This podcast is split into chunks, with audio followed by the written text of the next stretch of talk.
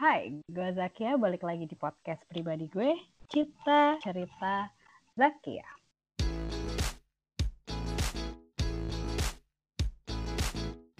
Di episode kali ini, aku membawa, ya membawa, aku akan bercerita, nggak bercerita, ngobrol bareng sama seorang kenalanku yang baru banget kenal, tapi kita seperti kawan lama.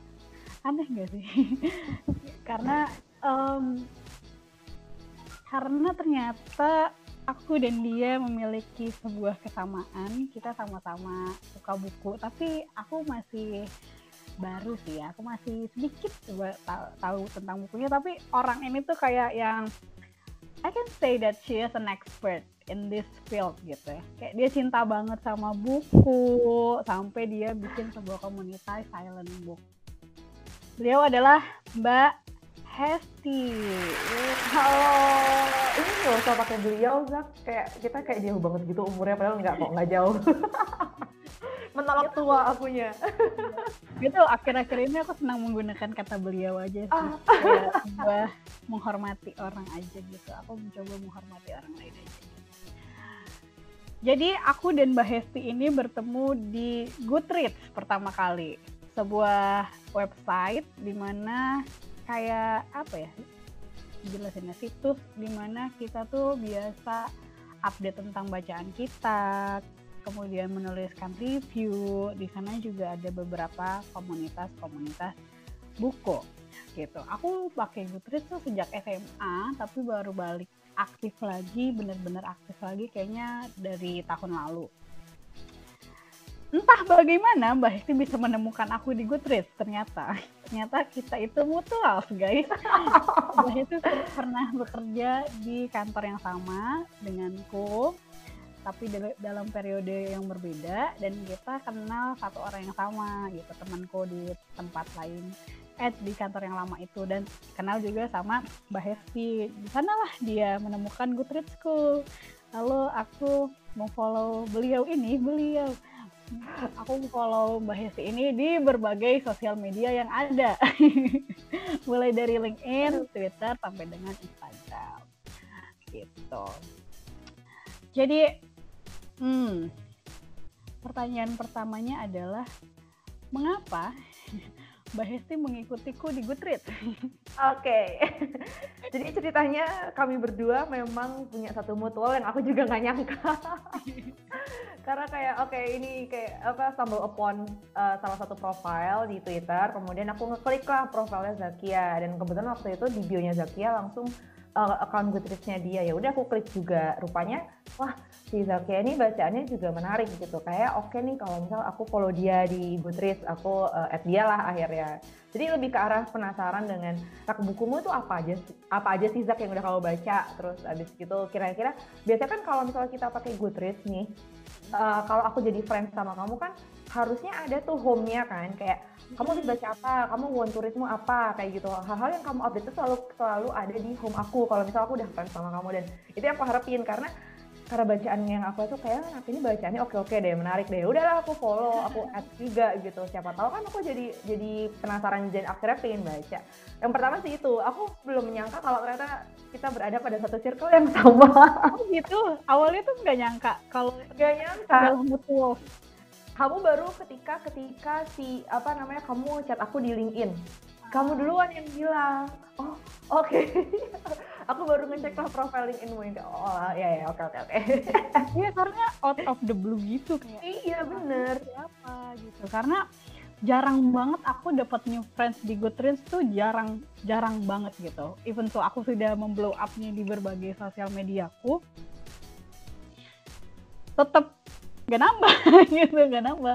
Gak ada request terus tiba-tiba ada Mbak Hesti permintaannya Mbak Hesti dan Hesti ini siapa? Saya tidak pernah mengenal orang bernama Hesti. Terus aku akhirnya googling dong namamu di Google oh my god. Eh, aku, aku kalau penasaran sama orang gitu terus aku ketemu akunmu di LinkedIn. Okay. LinkedIn adalah sebuah situs paling Yahoo untuk stalking orang dan, ya. mengetahui true, true. orang. True. Uh, kan? Jadi aku bukalah profil LinkedIn terus aku terkejut wah ternyata kita pernah bekerja di kantor yang sama gitu. Cuma aku tuh masih penasaran gitu loh. Kok bisa ketemu aku tuh kok bisa gitu. Sampai akhirnya udah lama ya mbak kayak kita tuh udah kenal beberapa waktu setelahnya baru aku nanya kamu tahu dari aku iya benar-benar itulah kamu titik temunya gitu. Iya. Ya, tapi aku penasaran deh kamu tuh bilang kalau penasaran dengan rak bukuku terus menyebutkan kalau bacaanku menarik itu sebelah mananya. Karena aku merasa bacaanku biasa banget. Enggak ah. Nah, karena karena kalau menurut aku uh, setiap orang itu ada keunikannya masing-masing sih Zah. kayak oh oke okay, anak ini lagi explore. Yang aku lihat dari rak bukumu ya. Aduh so assessment aku banget aku.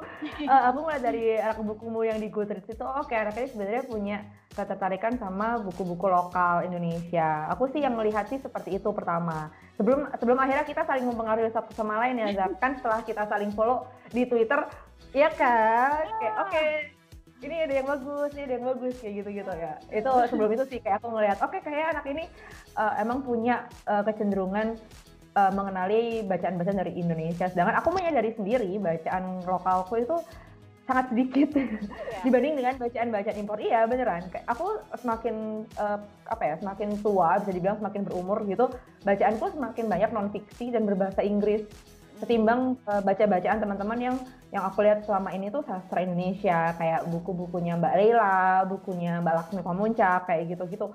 Jujur aku belum baca, jadi kayak aku ngerasa oke okay, dengan beneran aku belum baca laut bercerita aku belum baca pulang belum baca amba bayangin. Jadi jadi aku ngerasa bahwa oke okay, semoga dengan memperbanyak teman-teman yang baca itu aku jadi terdorong juga pengen baca buku. Eh, kayak gitu sih Zak. Gitu gitu iya iya bener. Kalau kalau asesmenmu begitu memang benar karena hmm, aku merasa kalau aku aja nggak tahu istilahnya industri buku di negeriku sendiri untuk apa aku belajar jauh-jauh ke sana gitu. Karena kan hmm. pula uh, aku punya cita-cita untuk menjadi penulis walaupun hari ini masih blunder nih mau jadi penulis kayak apa ya kan? Atau mau menuliskan buku kayak apa masih blunder parah. Cuma ya ide besarnya seperti itu. Kayak mau tahu aja oh penulis Indonesia tuh siapa aja sih? Terus kayak gimana aja sih karakter-karakternya mereka kayak gimana aja? Terus kayak aku tuh masih ngerasa miskin banget gitu loh kayak kayak yang Sapardi tuh aku tuh masih belum pernah baca sampai tahun ini aku tuh baru baca mulai baca hujan di bulan Juninya dia sama satu lagi yang aku baca dari Ipusnas kemudian oh. lalu aku tidak sengaja membaca buku puisinya Joko Pinurbo hmm. kemudian akhirnya aku berterima kasih kepada Ipusnas karena di sana menemukan banyak buku gratisan di Indonesia yang aku cari gitu dan lebih gampang kan ekspornya juga. Aku baca-baca buku dia di sana. Aku baru kenal Eka Kurniawan tahun ini. Oke. Okay. sementara kayak beberapa kenalanku itu emang merekomendasikan Eka Kurniawan gitu. Aku tuh tadinya nggak tahu Eka Kurniawan itu siapa gitu.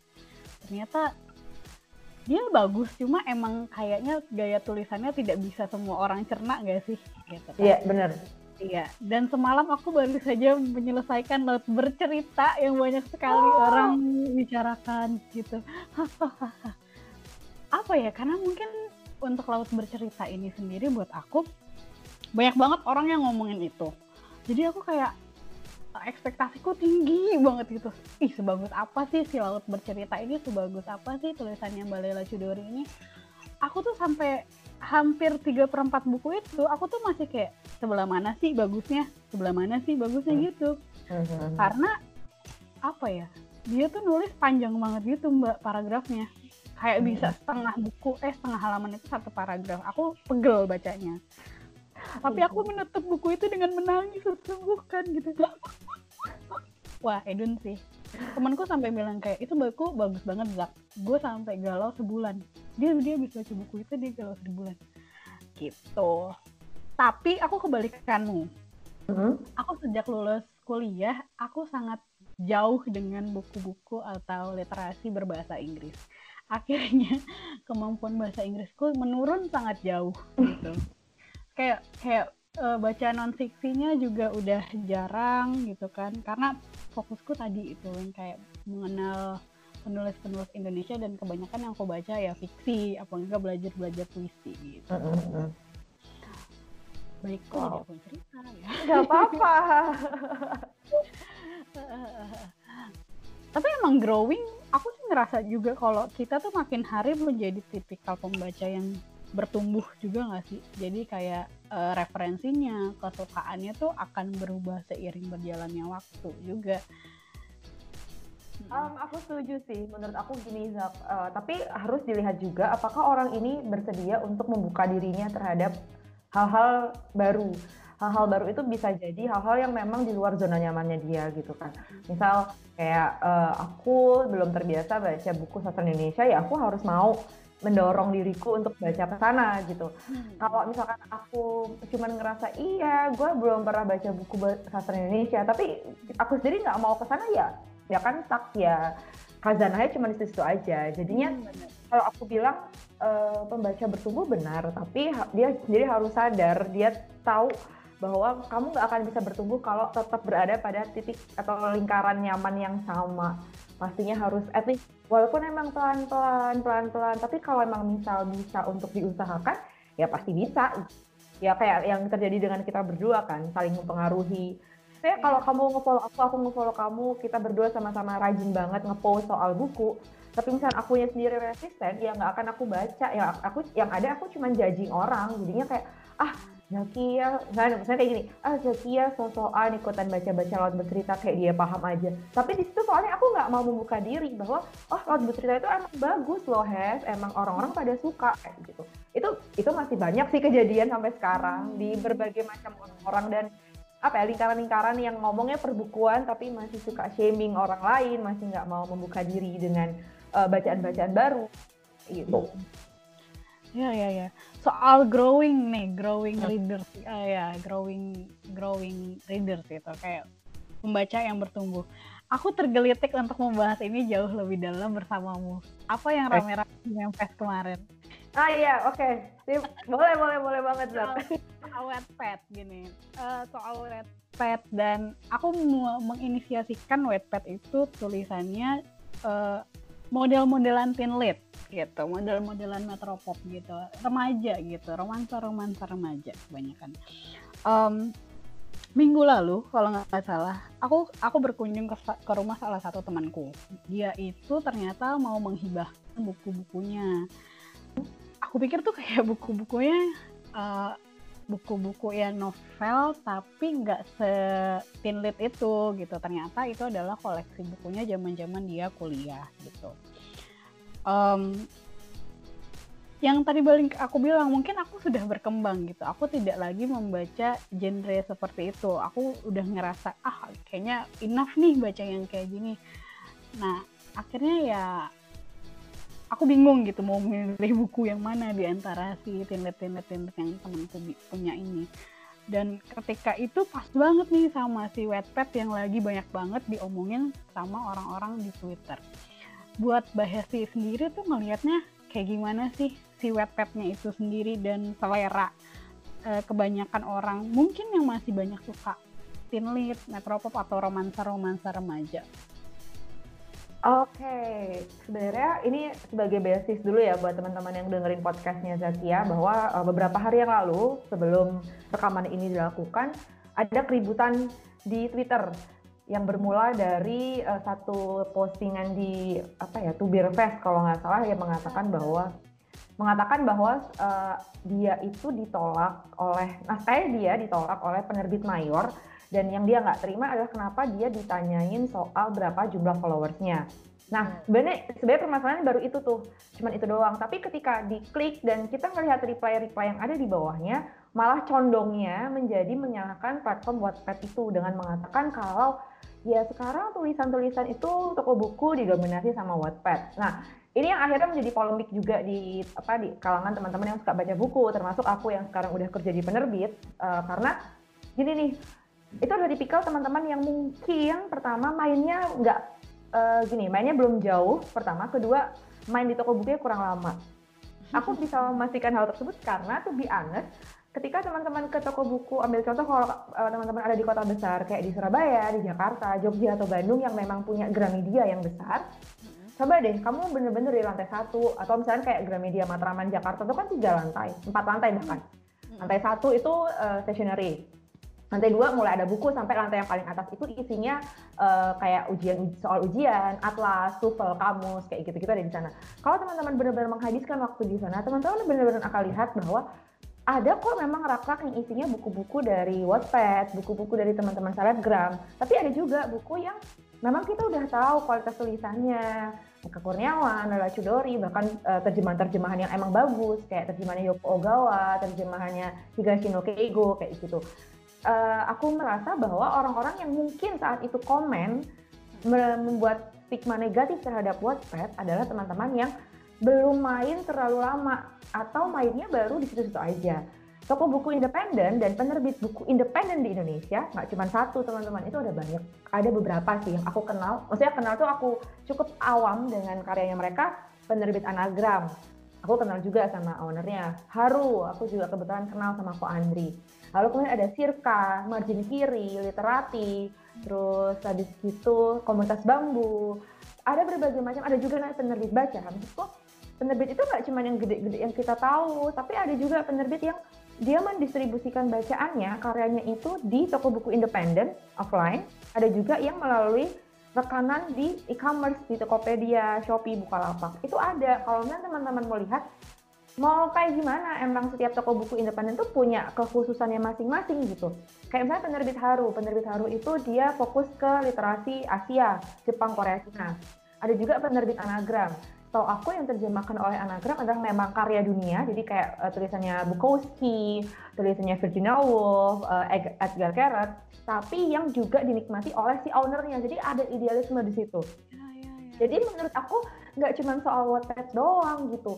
Itu yang itu yang uh, menur, apa yang membuat orang-orang jadi ngerasa bahwa wah bacaannya cuma Wattpad aja di toko buku enggak. Lalu yang juga misleading di sini adalah sering banget dikatakan bahwa Wattpad itu uh, apaan isinya? 21 plus tapi yang baca 17 18 eh maksudnya uh, SMP SMA gitu. Hmm. Perlu diketahui uh, literasi di Indonesia seharusnya untuk usia-usia di bawah umur yang bisa dibilang uh, belum 21 itu memang didampingi oleh orang dewasa. Baik itu dia guru maupun pustakawan. Sebenarnya sebenarnya itu ada. Ada ada apa namanya? Ada jurnal atau ada literasinya lah soal tersebut jadi ketika anak itu nyemplung di internet Wattpad itu kan di internet ya, ya. internet internet itu rimba raya. Itu juga sebaiknya sebaiknya didampingi. Sebenarnya nggak salah kok dengan teman-teman nulis di Wattpad karena setahu aku uh, yang aku sempat searching-searching adalah itu ada namanya teen fiction. Jadi ada kategorinya. Ada yang teen ada yang kalau nggak salah adult fiction ada yang marriage kayak gitu gitu lah. Pokoknya memang udah ada kategori-kategorinya gitu. Jadi itu memudahkan pembaca juga untuk ngeklik dia mau yang mana. Tapi kan namanya anak-anak namanya juga ada masa-masa remaja yang penuh dengan rasa penasaran. Pastinya dia akan ngeklik dong Zang. Marriage story itu kayak gimana ya? Gue penasaran. Oke gue klik. Akhirnya makin banyak orang berasumsi kok bisa jadi kok bisa sih uh, konten umur 21 tapi yang nikmatin anak-anak uh, apa namanya anak-anak remaja yang belum?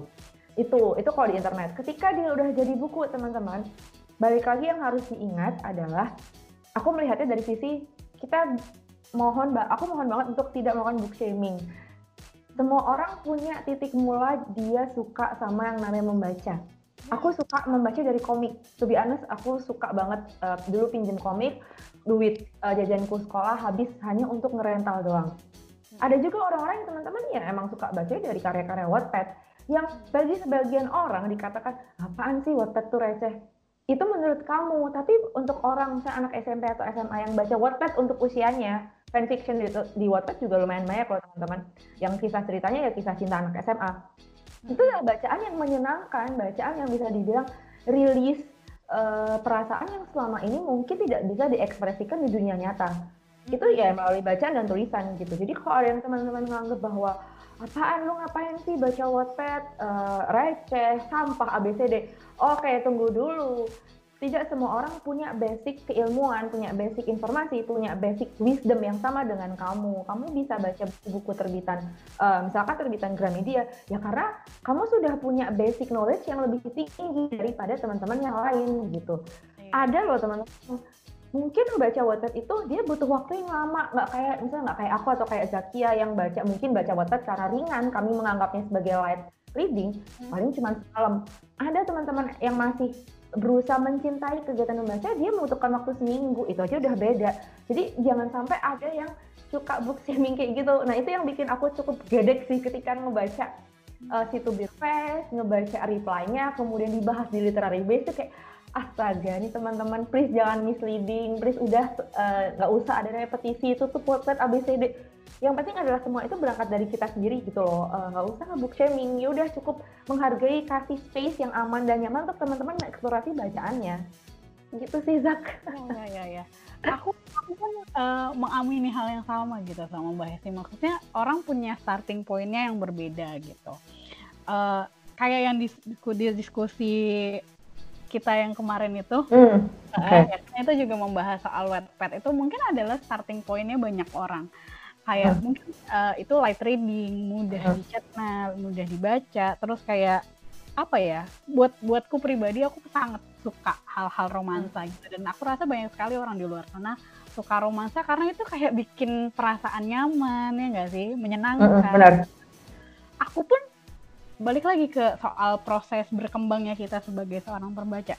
Aku pun mau mulai bacaanku terlepas dari aku memang sudah mengenal novel sejak SD, zaman-zaman SMP, SMA, itu aku pun membaca semacam fanfiction. Kalau misalnya dulu kan Wattpad tidak sebesar ini gitu. Kayak aku baca di fanfic.net gitu. Yeah. Fanfiction fanfiction teman-teman K-pop gitu dan itu yang rising habit bacanya tuh di situ kayak setiap hari aku bisa baca fanfiction dan segala macamnya.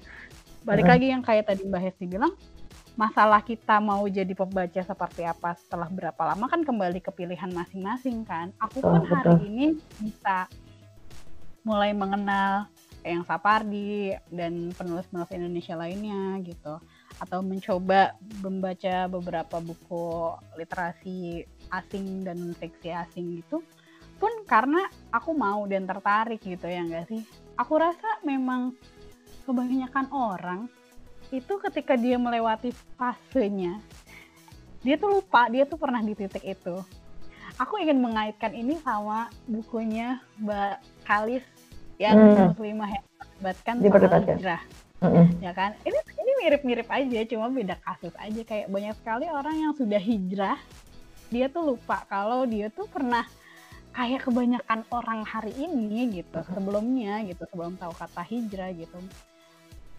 Sampai ketika dia hijrah dia senang banget mengkuliahi orang menceramahi orang. Aku rasa ini pun yang terjadi sama teman-teman yang let's say book shaming about Wattpad dan atau atau karya-karya selebgram sih. Tapi buat Mbak Hesti sendiri, untuk buku yang diproduksi oleh mereka dengan basis followers besar, itu gimana?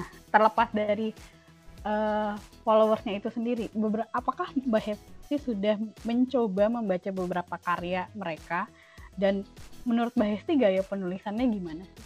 Oke. Oke, oke, nggak masalah. Um, eh ada banyak macam ya teman-teman. Jadi ada seleb tweet sama selebgram. Mereka yang memang kontennya dianggap konten di media sosial tersebut entah itu di Twitter atau Instagram yang dianggap uh, cukup memberikan pengaruh ke bagian besar followersnya. Kenapa ditanya? Kenapa ditanya? Maksud aku, kenapa kok ada sampai pertanyaan emang followersnya berapa? Hitung-hitungan-hitungan bisnis aja ya. Berarti kita bisa membuat kira-kira, oke, okay, uh, diserap kira-kira seribu misal gitu.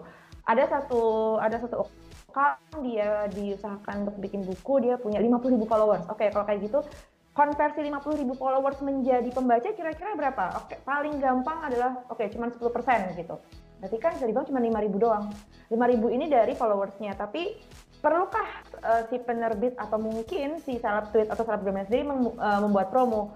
Masih perlu kayaknya supaya bisa 5000 lagi jadi bisa 10000 eksemplar itu itu itu menurut aku wajar banget terjadi karena kan balik lagi penerbitan itu adalah industri bisnis jadi otomatis kalau misalnya ada sesuatu yang bisa lebih cepat untuk dihitung, dikira-kira atau diminimalkan risikonya ya nggak apa-apa dilakukan aja. Kalau misalnya dibilang um, seperti apa gaya tulisannya, dalam penerbit itu ada yang namanya editor posisi editor dengan penulisnya, entah itu selebgram itu harusnya setara, sejajar. Karena nanti tugasnya adalah mereka berdiskusi.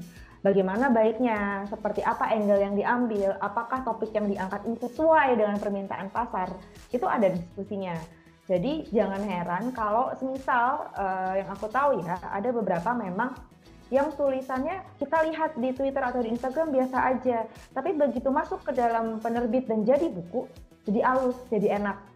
Jadi memang ada memang ada di situ ada andil dari penerbit dan editor. Karena kalau nggak kayak gitu perlu diingat yang sering kali terjadi ketika aku punya pengalaman ngedit ya dulu. Uh, yang sering ter terjadi ketika ngedit adalah penulis yang belum punya basic uh, kepenulisan yang baik, yang ajak, dia menulis kalimat itu seperti dia berbicara. Jadi conversation. Kebolak-balik lah itu struktur. Kita nggak tahu ini mana subjeknya, ini sebenarnya ngomong apa gitu.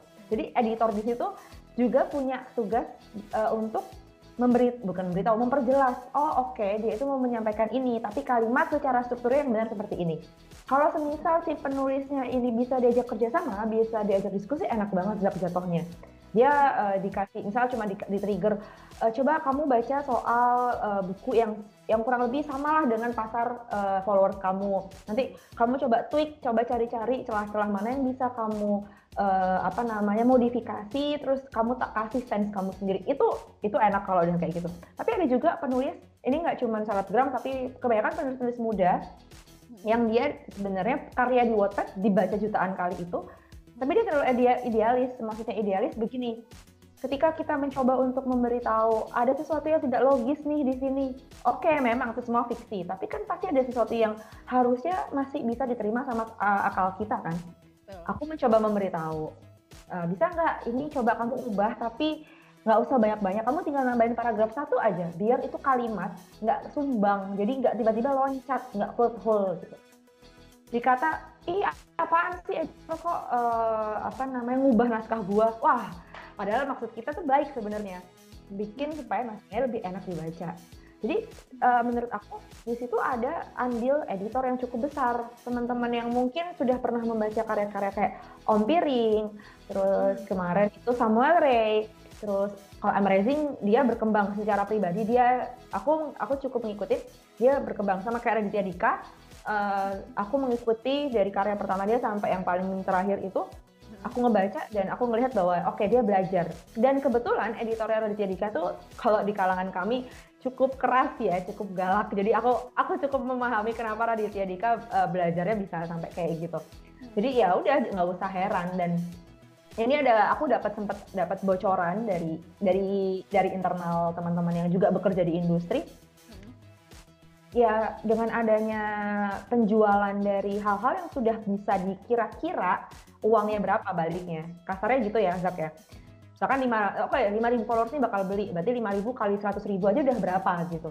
Itu bisa dibilang untuk uh, apa ya untuk membantu atau untuk mensubsidi promosi buku-buku yang kalangan terbatas kalangan-kalangan yang emang sudah terbiasa baca buku. Misal kayak misalnya kayak Zakia baru tahu Eka Kurniawan tahun ini. Itu berarti kan skupnya masih kecil tuh yang tahu Eka Kurniawan. Nah, duit yang tadi diam, diambil, duit yang tadi didapatkan dari followers salah satu seleb itu bisa jadi untuk subsidi mempromosikan Eka Kurniawan, karya-karya Eka Kurniawan. Jadi saling mengisi. Karena memang jujur aja, bacaan-bacaan yang mudah dipahami, bacaan-bacaan yang berasal dari seleb dan selebgram, itu sudah kelihatan pasarnya ya kan misalkan kayak ngomong aku ngomong sama kamu Zak kamu udah baca bukunya Ratih Kumala yang Wesel Post belum aku nggak yakin semua orang yang pernah aku ajak obrol kayak gini itu tau Ratih Kumala teh siapa nah berarti kan oke okay, aku nggak bisa ngira-ngira nih kalau aku mau ngerbitin buku Ratih Kumala lagi. Kira-kira aku harus siapin berapa eksemplar ya? Kira-kira budget promonya berapa ya? Nah itu tuh yang mungkin masih teman-teman masih belum memahami karena memang belum ada diskusi terbuka soal ini. Gitu. Iya, iya, iya, iya. Kan aku menangkapnya gini soal buku yang diproduksi oleh penulis yang punya basis follower besar adalah kepastian pasar ya enggak sih? Mm-hmm. Uh, sementara banyak orang mengkritisi hal soal itu karena apa ya kebanyakan orang idealisnya adalah menganggap literasi adalah sebuah upaya mengedukasi masyarakat mm. ya nggak sih mencerdaskan kehidupan bangsa gitu.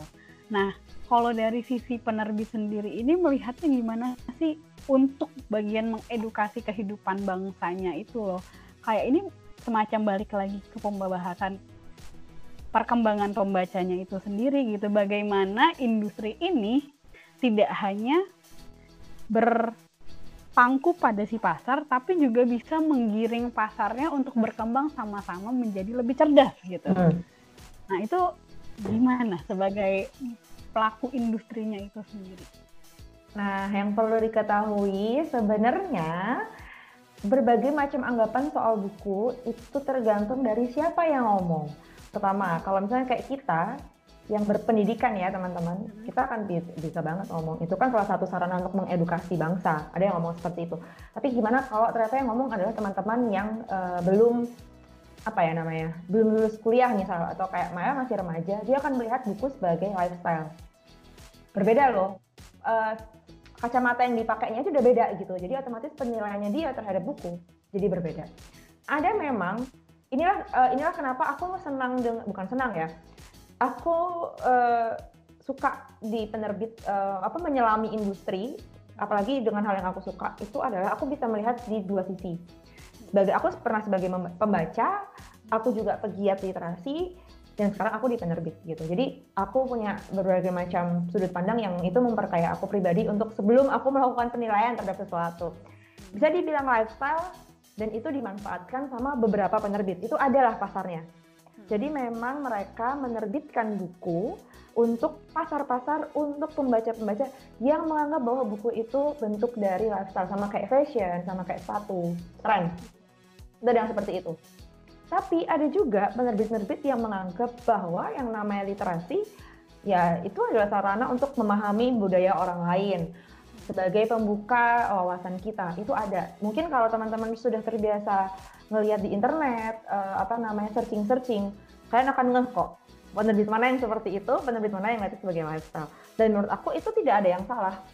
Balik lagi ke pada bisa jadi dari lifestyle dia jadi suka baca bisa jadi dari dulu dia di dulu dia menggemari satu penerbit yang isinya cuma nerbitin karya-karya Wattpad karena dia punya rasa penasaran yang cukup tinggi dan haus sama bacaan-bacaan dia akan bergeser ke penerbit-penerbit yang mendedikasikan terbitannya hanya untuk uh, apa kemajuan literasi Indonesia bisa jadi. Dan itu menurut aku saling mengisi.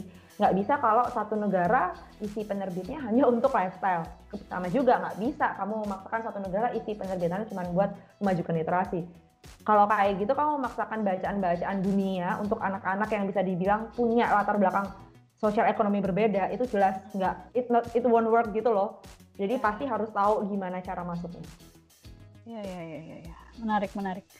Menarik menarik. Ak akhirnya dari dari perbincangan kita ini aku pun menyimpulkan bahwa oh, oh balik lagi gitu. Kayak kita tuh emang nggak bisa jadi sama gitu loh tidak akan pernah kita jadi sama justru karena kita beda maka kita tuh saling mengisi satu sama lain gitu dan Betul. perbedaan misalnya titik-titik awal kita membaca perbedaan mm-hmm. fokusnya penerbit pun itu akan memperkaya tiap-tiap orang yang ada di dalamnya sih ya gak sih terus kayak yang dan kita nggak bisa maksain orang untuk sama kayak kita aku sih mm-hmm.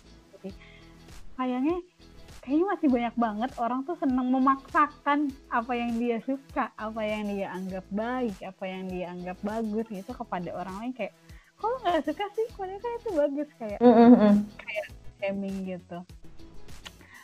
Um, aku nggak tahu sih ini pertanyaannya relate apa enggak cuma uh, karena kita dari tadi ngomongin penulis, penerbit dan menerbitkan buku.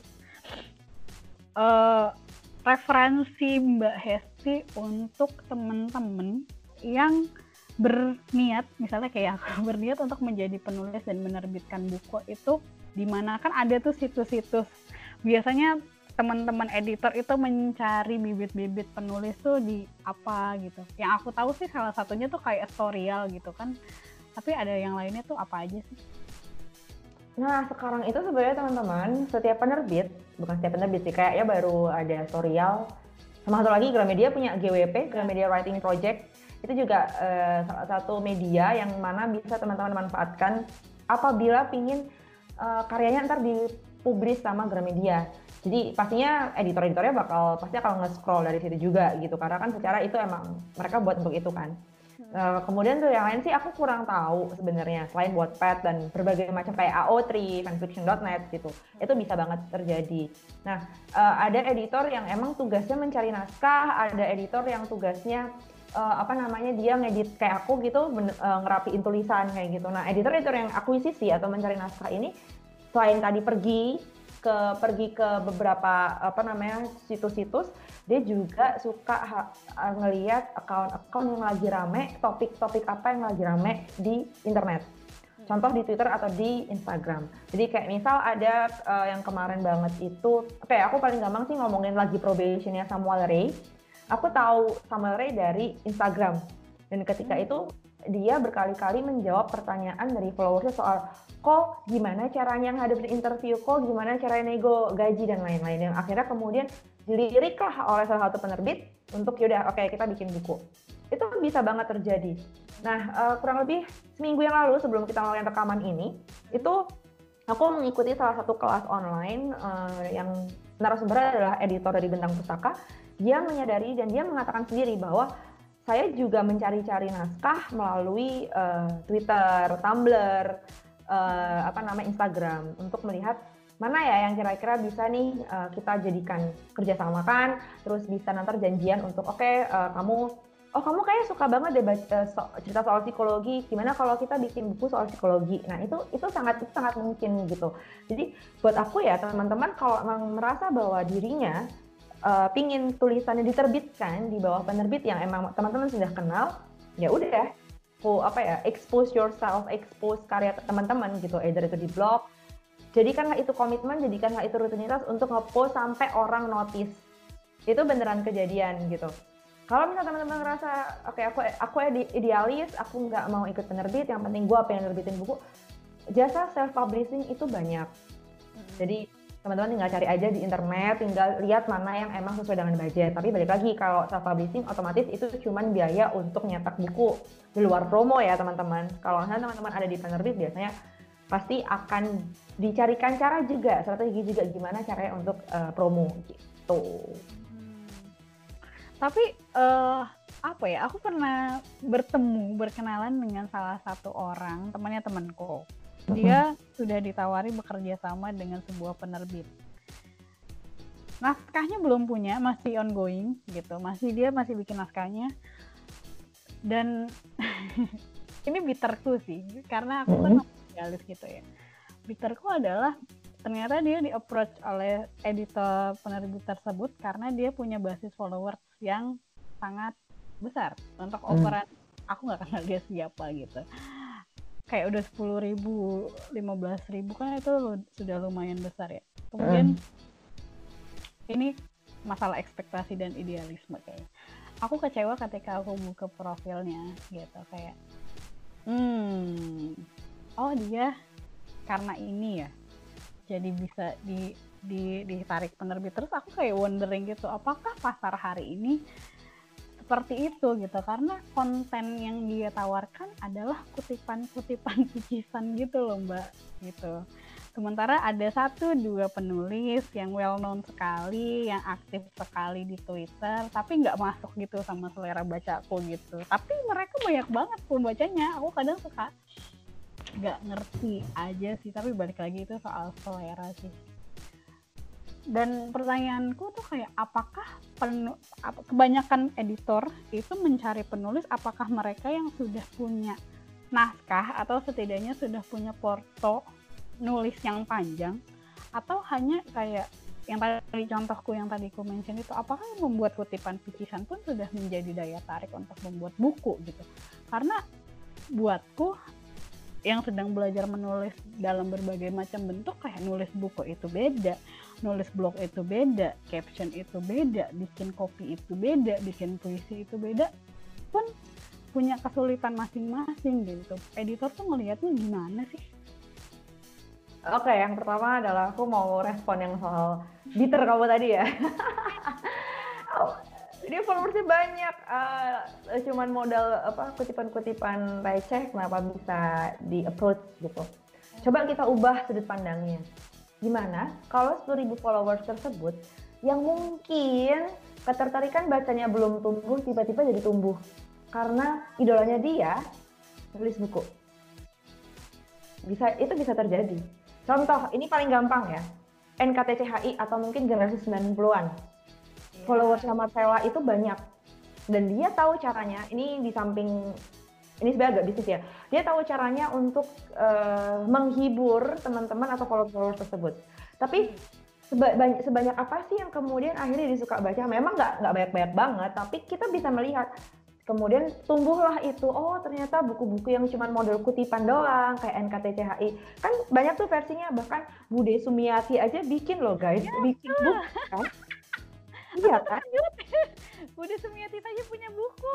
Ya itu itu sebuah titik mula yang yang bisa jadi uh, karena aku melihat dari kacamata orang yang emang pingin banget orang jadi suka baca ya itu hal yang bagus. Nggak apa-apa hmm. itu ah cuman model uh, apa namanya cuman model recehan doang ngapain jadiin buku? Loh tunggu dulu. Siapa tahu gara-gara recehan-recehan itu orang jadi pingin baca yang lain loh jangan salah kemudian dia nyari kutipan-kutipan apa yang memorable sampai mungkin kumpulan kutipan pemenang Nobel who knows dia akan googling sampai sejauh itu gitu nggak apa-apa jadi menurut aku jangan uh, jangan cuman melihat apa namanya kok zaman sekarang uh, lagi ngetren yang NKTCHI, NKTCHI semua loh. Itu referensi buat yang lain yang mungkin bacaannya belum setinggi kamu, belum Goodreads, rak Goodreadsnya belum sebanyak kamu kayak gitu kan. Dan editor-editor itu balik lagi ngelihatnya harus karena ber, karena bergerak di bisnis juga sih kalau kamu ada di penerbit besar ya, terutama penerbit besar gitu ya harus mikirin juga kira-kira apa nih satu yang dilempar dengan cepat dan habisnya juga dengan cepat. Udah itu enak banget. Otomatis oke okay, uh, eh, omset yang diterima oleh penerbit setelah dipotong oleh royalti dan lain hitungan-hitungan pajak yang lain ya itu bisa jadi kayak dari aku bilang subsidi untuk promo-promo buku-buku yang memang bagus tapi penulisnya belum dikenal sama banyak orang. Kayak contoh nih uh, ya aku ambil contoh Gramedia kemarin nerjemahin bukunya Yoko Ogawa yang di Memory Police. Sedikit yang tahu bahwa Yoko Ogawa yang Memory Police itu masuk ke dalam shortlistnya Booker Prize kalau dia bukan bookish banget bukan buku banget kayak aku atau kayak kamu gitu Zak eh, nggak uh, rutin untuk ngecek berita-berita internasional soal literasi nggak akan tahu. Yoko Ogawa siapa teh? Kok gue nggak tahu? Gue kan tahunya tulis Jepang cuma Murakami. Tapi yang dilakukan bener kan? Yang dilakukan oleh penerbit adalah gimana caranya bisa bikin buku itu well known. Ya, yang selama ini aku lihat ada promo-promo tertentu. Misalkan ada yang oke, okay, ternyata baru ada versi e-booknya. Terus oh sesuai dengan demand, ternyata ada banyak orang yang tahu Yoko Ogawa, oke okay, kita beranilah coba untuk cetak versi fisiknya.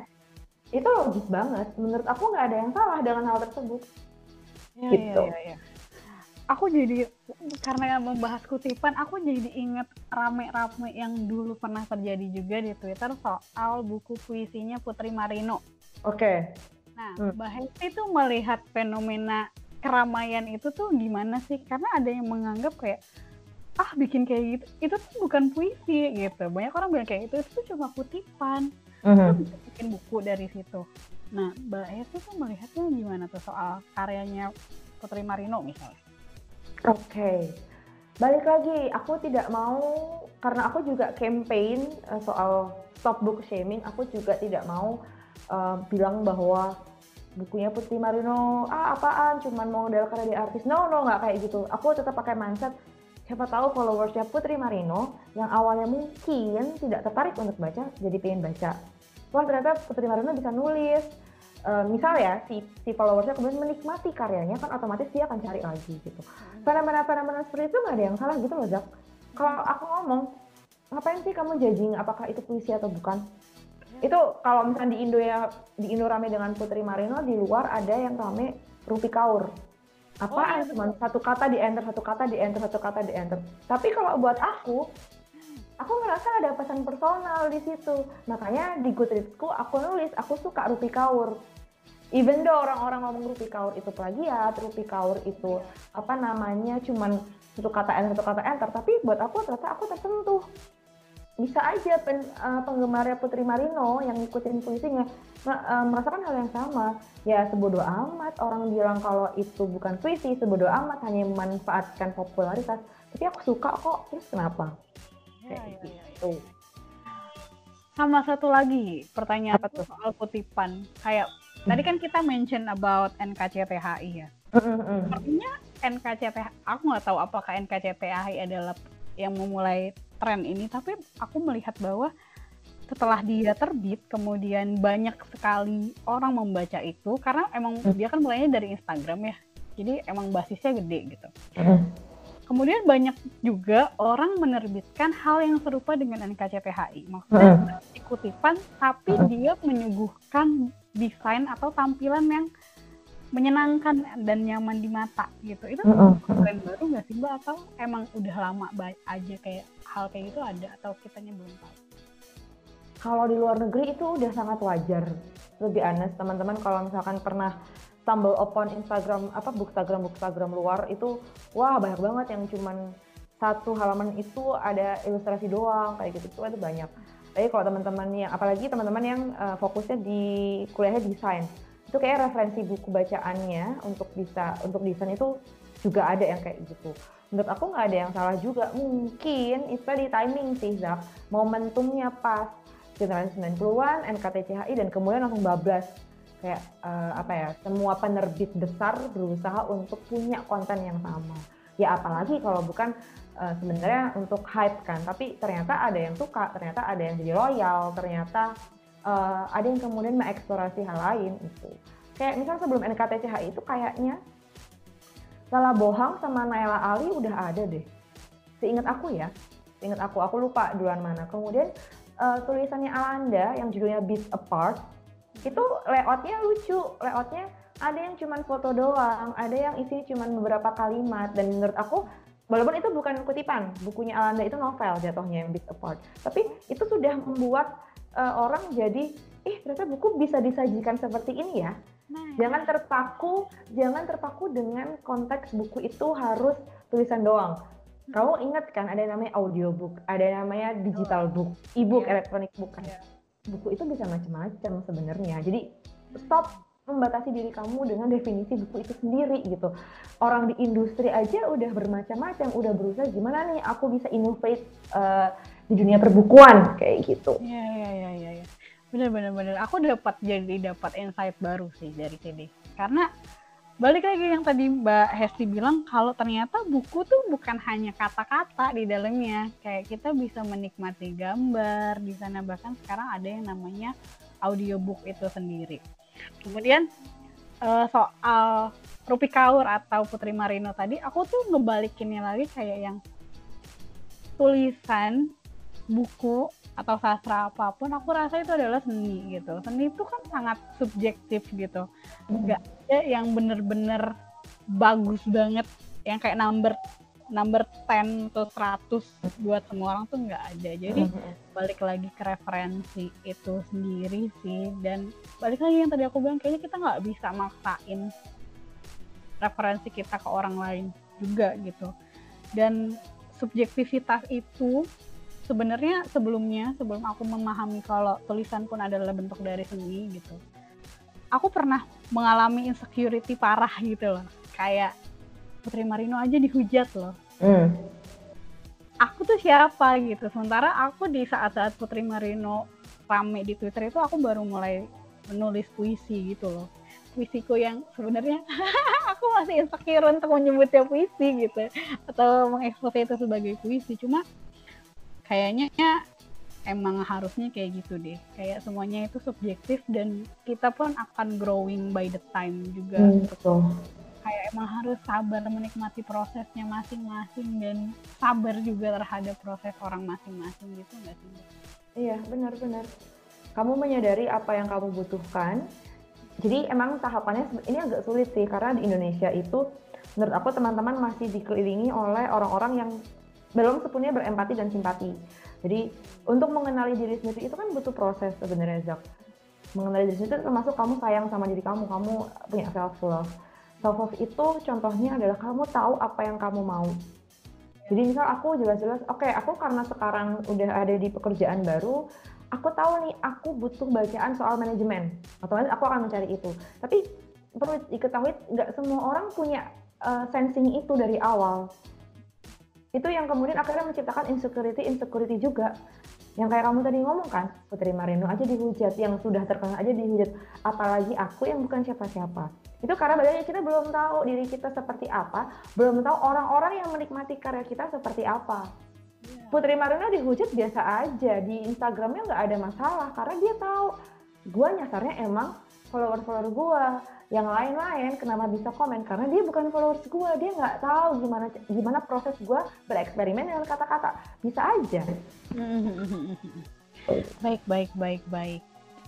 Uh, untuk menutup episode yang panjang ini dan sangat insightful. Wah oh. ada nggak sih kayak mungkin pesan-pesan apa sih? Basi banget gitu tapi ya aku merasa kayak ini tuh diskusi yang menyenangkan dan oh, aku rasa akan sangat berguna banget buat teman-teman yang mendengarkan ini. Pesannya buat teman-teman, entah mereka yang sudah suka membaca, baru mau membaca, atau masih takut-takut membaca tuh apa sih dari Mbak Hesti? Oke, okay. jadi menurut aku hmm, membaca itu freedom, bentuk kebebasan kebebasan kok bisa sih kak? Iya dong, kamu seharusnya punya hak untuk memilih bacaan apa yang emang benar kamu pengen baca, genre apa yang bikin kamu nyaman, format apa yang bikin kamu betah, itu semua ada di kamu, bukan defined by society. Jadi kalau ada yang bilang dengerin audiobook itu bukan baca buku, ah udah nggak usah didengerin lah, itu cuek aja. Berarti dia belum menemukan kenikmatan dari kegiatan membaca buku. Sekalinya kamu nemuin kenikmatan terhadap kegiatan baca buku, sekali ya kamu jatuh cinta sama baca buku, itu beneran deh, itu rasanya kayak, gue kalau bisa panjang umur, panjang umur dah buat baca semua buku yang gue pingin. Beneran, karena itu adalah pembebasan terhadap apa-apa yang selama ini mungkin kamu rasa, kok aku nggak tahu ya harus nyari di mana, kok aku belum tahu ya uh, aku harus uh, belajar sama siapa. Dengan buku, itu bisa menjembatani kamu sebelum kamu ketemu sama orang lain. Tuh, terus yang kedua, dengan membaca buku sebenarnya teman-teman sudah belajar untuk menganalisis sesuatu. Baik itu membaca fiksi ataupun baca non fiksi kok bisa kak? Beneran kalau kamu sering banget baca buku mau dari dua-duanya kamu akan terbiasa untuk oke okay, habis ini kayaknya kalau cerita fiksi jalannya seperti ini entar nextnya kayak gini deh. Tebak-tebakan sama dugaan sendiri. Semakin itu terasa kamu belajar analisa itu bisa diterapkan ke kehidupan nyata. Misal udah uh, untuk teman-teman yang biasa berhadapan sama orang lain sebagai klien, mungkin udah kebaca kok dia dua kali kayak gini? Entar bisa-bisa ketiga kalinya kayak kejadian yang kemarin nih. Siapa tahu. Itu itu bisa banget. Jadi membaca itu uh, manfaatnya banyak. Kamu menemukan kebebasan tanpa kamu harus pergi ke mana-mana. Kamu cuma duduk diem tapi pikiranmu bisa sampai ke dunia lain. Itu baca fiksi. Kamu dapat pengetahuan baru habis itu kamu bisa mendapatkan kosakata baru baik itu mau bahasa Indonesia bahasa Inggris atau bahasa asing lainnya yang sama ini oh ternyata ada kata pengganti ini ada sinonimnya ya kayak gitu gitu. Lalu yang terakhir kamu dapat teman baru. Karena tuh be honest aku kalau kenalan sama orang sampai sekarang uh, yang ditanya duluan sukanya baca buku apa? Walaupun aku tahu teman atau orang yang aku uh, apa namanya temui itu belum tentu seorang pembaca buku. Tapi aku bingung gitu loh kadang apa yang bikin orang merasa tidak tersinggung ya oh ya udahlah ngomongin buku aja gitu Zak jadi pertanyaan buku apa yang kamu baca buat Mbak Hefi adalah kayak hari ini Jakarta panas ya.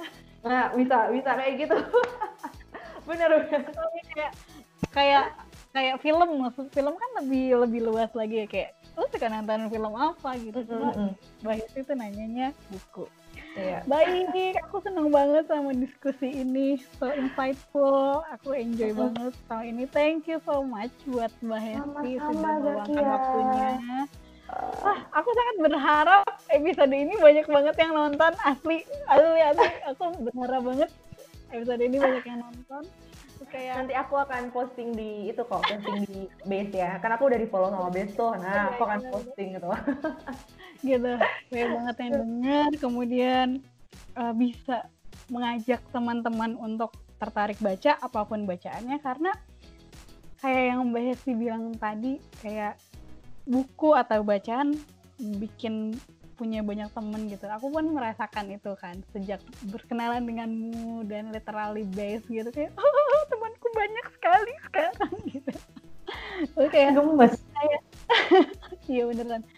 Kayak yang I don't know, aku tidak pernah merasa kalau aku se-impactful itu. Cuma ketika ada orang bisa tergerak atas apa yang aku lakukan kayak hari ini, kayak waktu aku pernah post itu satu salah satu temanku tertarik untuk membaca lagi gitu karena cuitan-cuitanku yang super duper panjang dan kadang aku ngerasa nggak faedah padahal. Ternyata dia mau baca gitu. Dan aku melihat teman dekatku pun uh, sepertinya mulai lagi mau membaca lagi sejak aku mulai aktif Goodreads kemudian temanku yang kemarin sampai menanyakan soal hibah buku di mana ya hmm. itu itu itu sangat menyenangkan sekali sih hmm. atau kayak temanku yang lain sekarang lebih uh, pede untuk kayak sharing oh gue lagi baca buku inilah atau kayak yang ih pengen beli buku ini deh kayak oh ternyata kita tuh bisa embracing orang-orang yang mungkin selama ini ngerasa oh gue sendiri aja nih kok nggak ada teman baca ya itu aduh aku so so blessed and grateful for that gitu oh so sweet Baiklah, mari kita akhiri podcast ini. So, sampai bertemu di podcast pribadi gue, Cita Cerita Zakia berikutnya. Bye-bye!